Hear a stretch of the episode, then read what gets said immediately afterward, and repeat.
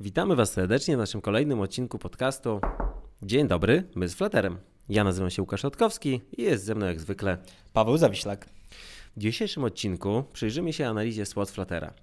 To na początku, Paweł, może byś powiedział naszym słuchaczom, czym w ogóle jest analiza SWOT, bo może nie wszyscy po prostu kojarzą ten zwrot.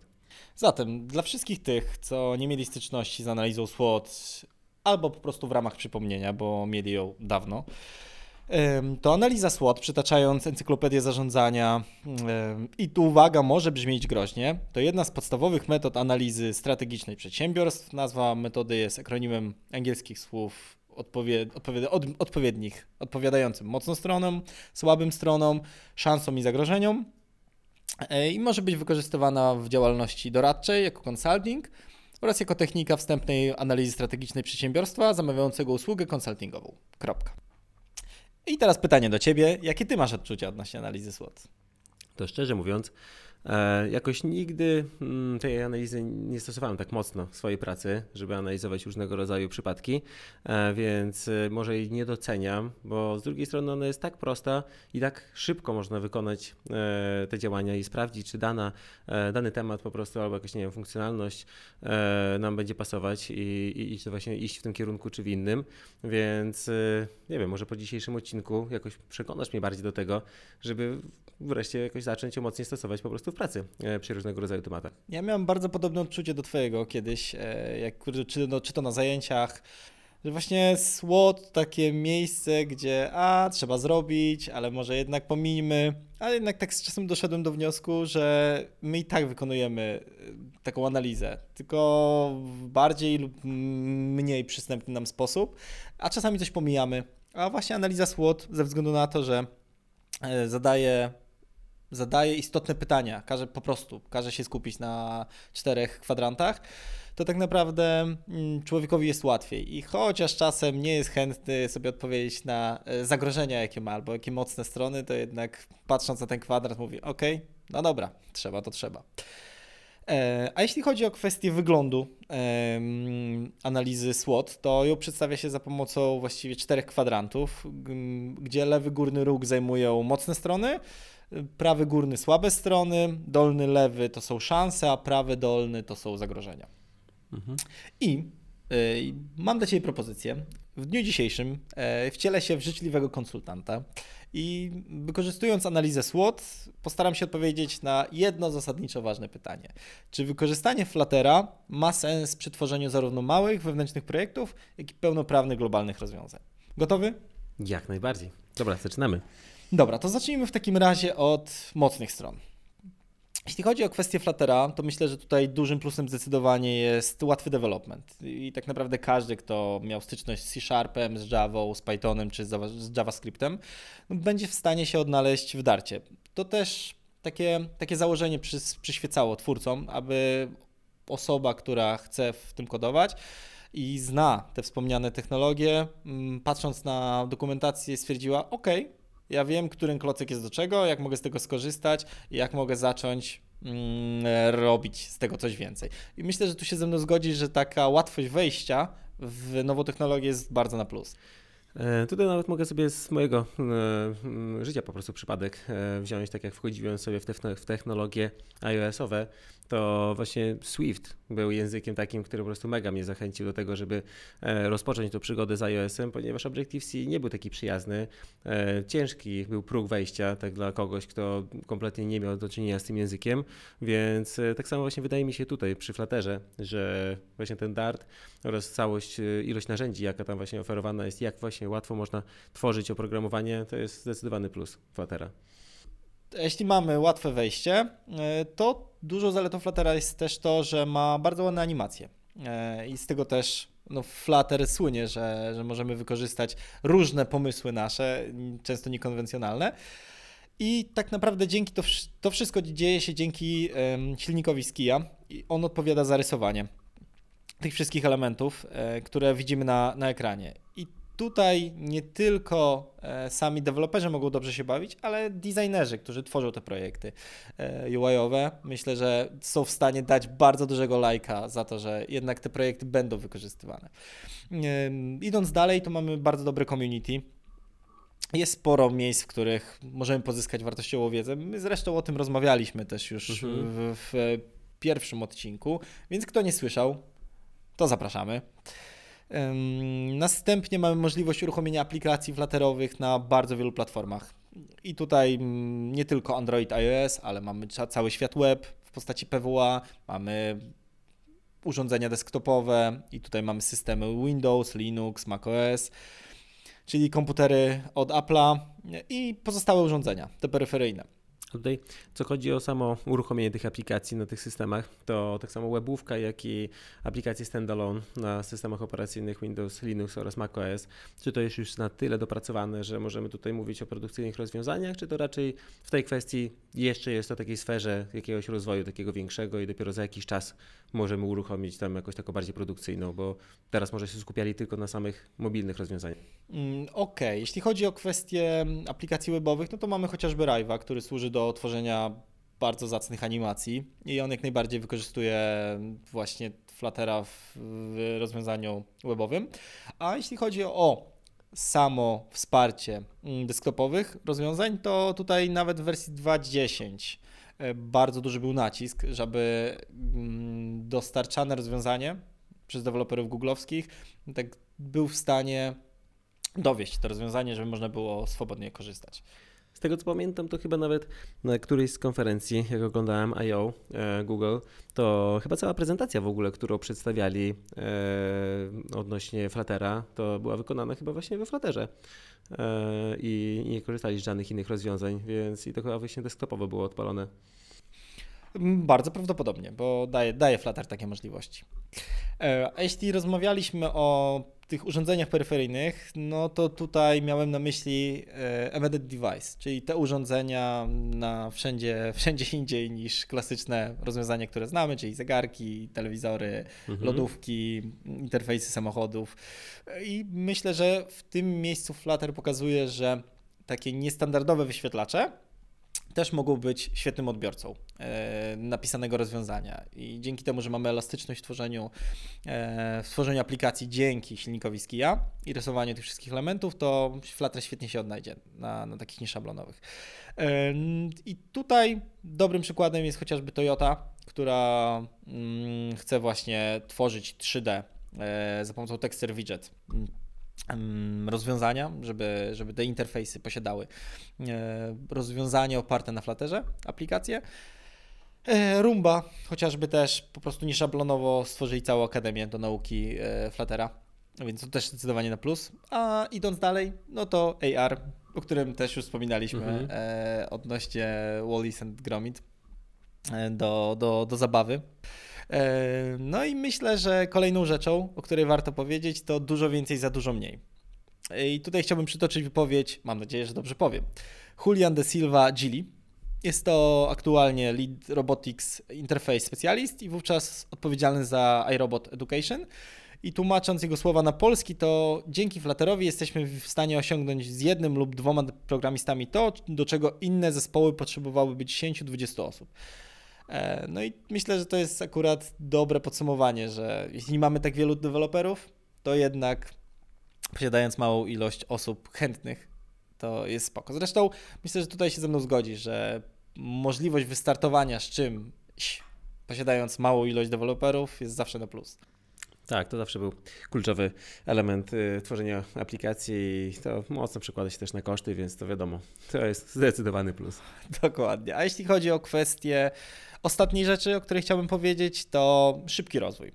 No i tutaj myślę, że warto się zatrzymać yy, i popatrzeć szerzej na to pojęcie, bo tak naprawdę ono tyczy się bardzo wielu aspektów, bo dla jednych szyb, szybki rozwój to posiadanie jednego zespołu, a nie dwóch albo trzech. E, A jeśli chodzi o kwestię e, rozwoju, szybkiego rozwoju, to może być też mniej linijek kodu.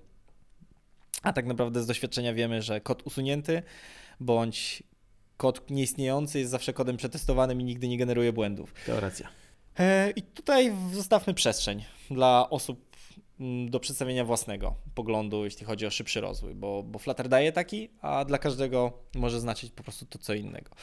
I myślę, że z tym powinniśmy zakończyć, bo moglibyśmy jeszcze trochę porozmawiać sobie o tych mocnych stronach, ale ten odcinek może być po prostu zwyczajnie zbyt długi.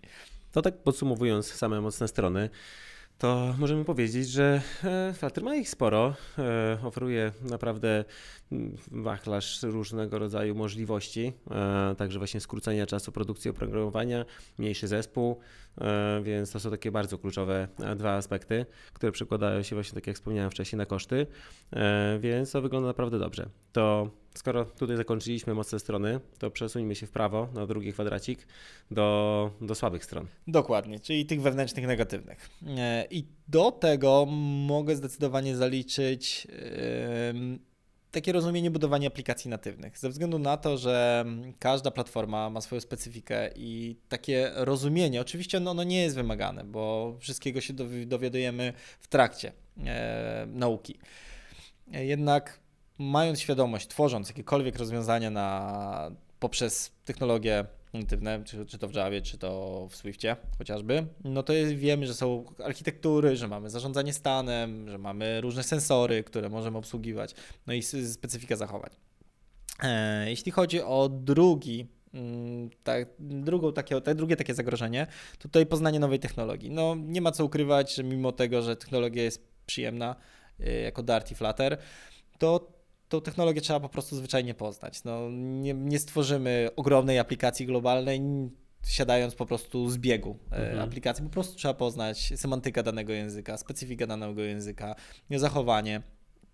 I wymaga to po prostu czasu, żeby, żeby dać sobie szansę i przestrzeń. E, no, oprócz samego Darta mamy jeszcze całą masę widgetów flatterowych, których nawet posiadanie świadomości też po prostu chwilę zajmuje czasu. Tutaj niby to jest takim niby trochę minusem, wiadomo, no, zaznajomienie się z nową technologią to jest coś, co wymaga sporego czasu, ale tak jak wspomnieliśmy, znaczy ty wspomniałeś w tym pierwszym, w plusach, no to właśnie to jest tak stworzona technologia, że wejście do, niego, do niej jest stosunkowo łatwe, więc y, to jest też y, no, pole do popisu dla, dla, dla programistów, więc łatwiej po prostu powinni rozpocząć pracę z tą technologią. I widzisz, ty to umiesz nawet słabą stronę przekuć mocną stronę. A idąc dalej, e, to myślę, że jeszcze sprzęt, a mianowicie sprzęt od Apple'a. Bo o, o, ile chcemy tworzyć tylko dla Androida i na przykład na weba, no to tutaj na spokojnie możemy korzystać z komputera, który posiada system czy Windows, czy, czy chociażby Linux. A jeśli chcemy dostarczać oprogramowanie na iPhone'a, no to w tym przypadku warto zaopatrzyć się w komputer. No to jest niestety coś takiego, co, czego nie da się przeskoczyć, bo nawet programując też natywnie, no to też musimy mieć urządzenia z systemem macOS. Więc e, przynajmniej jest takim plusem nawet można powiedzieć, że możemy sobie tworzyć aplikację już na jeden system, przynajmniej na tego Androida. Znaczy tworzymy na dwa systemy, ale możemy sobie sprawdzać na Androidzie, a zapewne mało musimy dostosować ten kod do tego, żeby działał pod iOS-em, więc zapewne jakieś tam, nie wiem, kilka procent może czasu, który będziemy musieli poświęcić na to, żeby ta aplikacja równie dobrze działała na iOSie, bo no, multiplatformowo powinno to wszystko zostać zapewnione z defaultu. No chociażby też jak budowanie aplikacji. Jeśli chcemy zbudować tą aplikację i dostarczyć do App Store'a, mhm. no to tutaj jednak... Do tego nie przeskoczymy. Dokładnie. OK, jeśli chodzi o kwestie takich zagrożeń, to myślę, że, że to są takie główne zagrożenia, które, które mogą się pojawić. Mm, no to teraz przejdźmy do tego lewego dolnego kwadrantu, czyli do szans jakie mamy. No i tutaj kwestia zaangażowania dużych firm. E, I mam tu na myśli Toyota. To była właśnie były wspomniane niestandardowe urządzenia, no i te interfejsy graficzne w samochodach i to jest coś, co oni, na co oni stawiają. Nawet jest całkiem ciekawe wideo odnośnie jednego, odnośnie wypowiedzi jednego z deweloperów, który opowiada trochę więcej o tym, jak e, za pomocą Fluttera właśnie tworzą widgety 3D. Biorąc pod uwagę, że ogólnie Flutter został stworzony przez tak dużą korporację jak Google, która ma już doświadczenie z tworzeniem innego systemu, takim jakim jest Android, więc tutaj pewnie właśnie też możemy mieć pewność, że no, to doświadczenie też przełoży się na to, że tam, gdzie były jakieś minusy przy tworzeniu przy Androida, to, to też wzięli pod uwagę to właśnie tworząc Fluttera, żeby też ułatwić po prostu proces tworzenia aplikacji i zminimalizować to po prostu ryzyko ewentualnych jakichś tam błędów, które mogą powstawać. Zdecydowanie. E, to jeśli mowa o urządzeniach, no to tutaj chciałbym przytoczyć dwa raporty. Jeden stworzony przez firmę Deloitte, e, a drugi to jest Global Overview Report e, za rok przeszły, wydane Mhm. na początku tego roku. A wracając do tego pierwszego, mm, to jest odnośnie trendów konsumenckich i możemy w nim znaleźć informację, że pojawił się 32% wzrost osób, które posiadają inteligentne zegarki, o 24% monitory aktywności fizycznej i ta, najbardziej, ta zmiana jest najbardziej widoczna w grupie wiekowej 25-34 i to jest wzrost 44%, więc tutaj bardzo spory rynek pojawia się do zagospodarowania. A mm, przechodząc do tego drugiego raportu, e, który sprawdza globalnie e, zmiany, e, to możemy się z niego dowiedzieć, że pojawił się wzrost 1,8% unikatowych użytkowników smartfonów, a przekładając to na liczby mamy 95 milionów nowych uży- użytkowników. Mhm. E, więc to jest To robi wrażenie. Dokładnie. Nowa przestrzeń. E, A następnym punktem, taką, e, taką szansą jest zdecydowanie spójność brandowa. Myślę, że ze mną się zgodzisz, że jeśli chodzi o kwestię postrzegania użytkownika, pos- postrzeganie przez użytkownika marki, no to wiadomo, że najlepiej jest, kiedy on ma taki pełen, dobry, dobry feeling, jeśli chodzi o kwestię takiej chociażby wiem, fizycznego spotkania, jak i z wirtualnym światem. No i tutaj Flutter pozwala nam skorzystać z, e, tak naprawdę z naszych własnych widgetów, stworzyć przyciski, które będą charakterystyczne z marką, no to nie wiem, może jakiś przycisk w kształcie logo, jeśli będzie pasował. I tak naprawdę tutaj użytkownik e, ma cały czas poczucie tej spójności. Więc to daje mocną przewagę na rynku firmie, która korzysta z tego. E, z taka spójność właśnie brandowa, e, unifikowanie się z daną właśnie marką jest, jest jednym z ważnych aspektów. A jeśli spójność brandowa, to na plus, na szansa, jako, jako szansa na plus to dostosowanie do urządzeń. Ze względu na to, że Flutter jest w stanie nie tylko w 60 klatkach ukazywać swoje animacje, ale też jeśli urządzenie pozwala, to również to 120 Hz odświeżanie jest jak najbardziej na plus.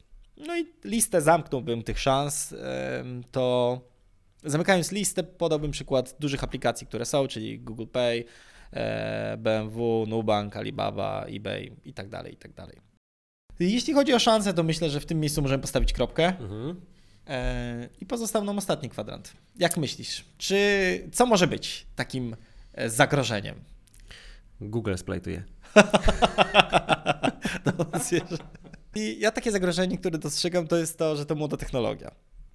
No i jeśli mamy młodą technologię, to nie będziemy mieć aż tak wielu doświadczonych deweloperów, jak w przypadku tych rozwiązań, które są z nami już na rynku od wielu, wielu lat.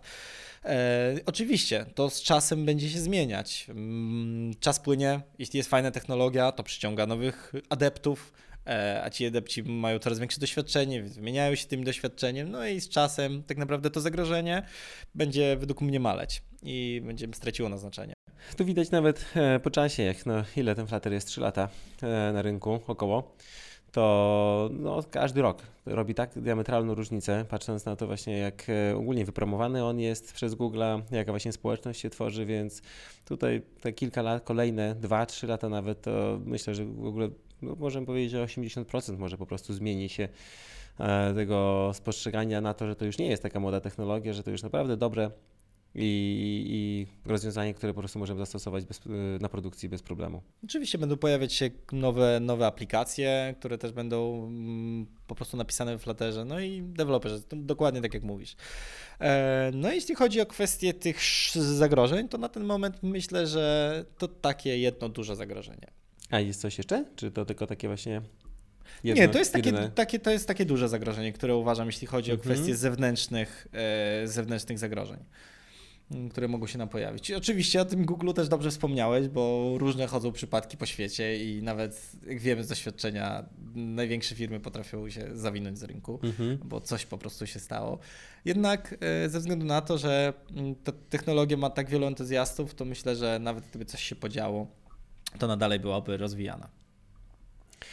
Mm, Dobrze, tak sobie myślę w ogóle, jakie właśnie mogą być zagrożenia odnośnie Fluttera. E, no ja nie znam tak dobrze jak ty, jak ty tej, tej całego tej otoczki i ogólnie tego rozwiązania, ale też mi nic nie przychodzi do głowy, co właśnie może być takim dużym, większym zagrożeniem odnośnie tego, tego tematu. Mm, Dobrze, to mamy go omówionego, mamy całą analizę SWOT przeprowadzoną Fluttera. To co moglibyśmy jeszcze?